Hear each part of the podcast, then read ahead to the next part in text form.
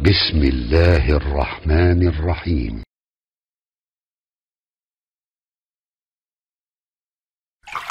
Silahkan keluarkan karena setiap ayat Quran ada fadilahnya, keutamaan-keutamaannya. Kalau ibu ingin bacakan silahkan. Misal, ibu bacakan surah Al-Ikhlas. Qul huwallahu ahad. Al-Ikhlas itu disebut sepertiga Quran. Kalau ibu bacakan Al-Ikhlas kemudian salah satunya apa? Allah akan berikan kemudahan-kemudahan termasuk mempercepat jawaban doa. Misal, ada namanya ulama Sayyid Sabiq Bu, punya kitab Al-Aqaid Al-Islamiyah. Di dalam kitab ini sampai halaman 59 Beliau keluarkan hadis posisi paling kanan sebelah bawah tentang seorang sahabat Nabi ketika mau berdoa diawali dengan al-ikhlas. Dia katakan Allahumma inni as'aluka innaka antal ahad as-samad alladzi lam yalid wa lam yulad wa lam yakul lahu ahad. Sebentar. Allahumma inni as'aluka an taghfiraliya. Dia mau minta, ya Allah ampuni dosa saya. Cuman dia awali dengan surah Al-Ikhlas. Ya Allah, ini hadisnya sahih. Ya Allah, saya akui engkau yang ahad. Ahad, as-samad, tempat bergantung. Lam yalid walam yulad. Tidak beranak dan tidak diperanakan. Walam yakul lahu kufuwan ahad. Tidak ada sekutu bagimu. Permohonannya Allahumma inni as'aluka an taghfiraliya ya Allah mohon ampuni dosa saya. Kedengaran oleh Nabi. Tahu kata Nabi at-tadri bima tas'al. Tahukah engkau bagaimana engkau berdoa? Kata orang ini Allah wa Rasulullah alam. Kata Nabi laqad sa'alta bi asma'illahil a'zam engkau telah meminta dengan nama-nama Allah yang paling utama idza du'iya biha ajaba wa idza su'ila biha a'ta kalau engkau bacakan itu sebelum berdoa, maka setiap permintaan akan dikabulkan, setiap doa kemudian akan diberikan.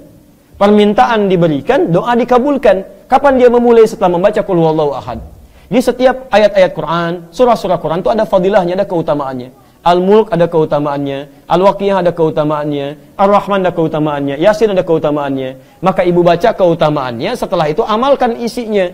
Setelah diamalkan, maka fadilah akan diberikan oleh Allah Subhanahu wa taala. Misal, Orang tua kita dulu mengatakan, kalau ibu pengen punya anak laki-laki, ganteng, soleh, maka baca surat Yusuf. Kalau anaknya ingin cantik, baik, soleh, maka baca surat Nah, yang dimaksud itu bukan baca biasa. Dalam bahasa Arab, baca itu pahami artinya.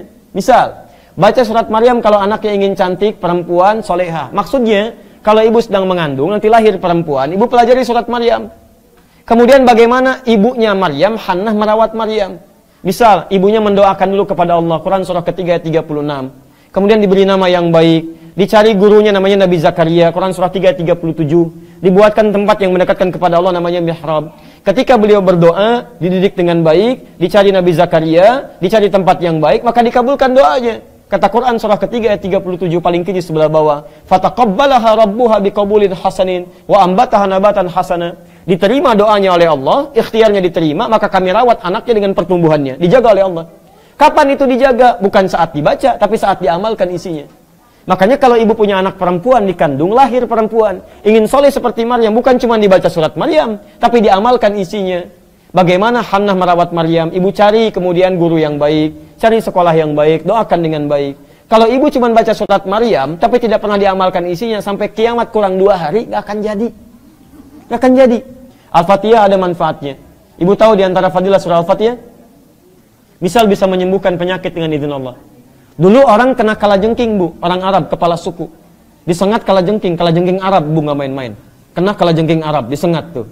Ya, cari obat, nggak ada obatnya. Bagaimana kemudian obatnya? Ketemu para sahabat, dikatakan, siapa yang bisa menyembuhkan? Kata dia dengan izin Allah. Dibacakan Al-Fatihah, Bu, sekali. Cuman dibacakan Al-Fatihah sekali, sembuh. Padahal tidak ada obat yang lain. Begitu dibacakan Al-Fatihah sekali sembuh. Kenapa orang sekarang baca Al-Fatihah ribuan kali nggak sembuh-sembuh? Masalahnya bukan Al-Fatihahnya, karena bacaan dia tidak sama dengan bacaan orang dulu. Orang dulu dipahami isinya, dihayati maknanya, dia baca dengan iman. Jadi kalaupun ibu ingin belajar Yasin, baca kemudian isinya, terjemahannya baca, fadilahnya amalkan isinya. Setelah itu baca surat-surat yang lainnya, maka Allah akan berikan keberkahan di dalamnya. Jelas ya?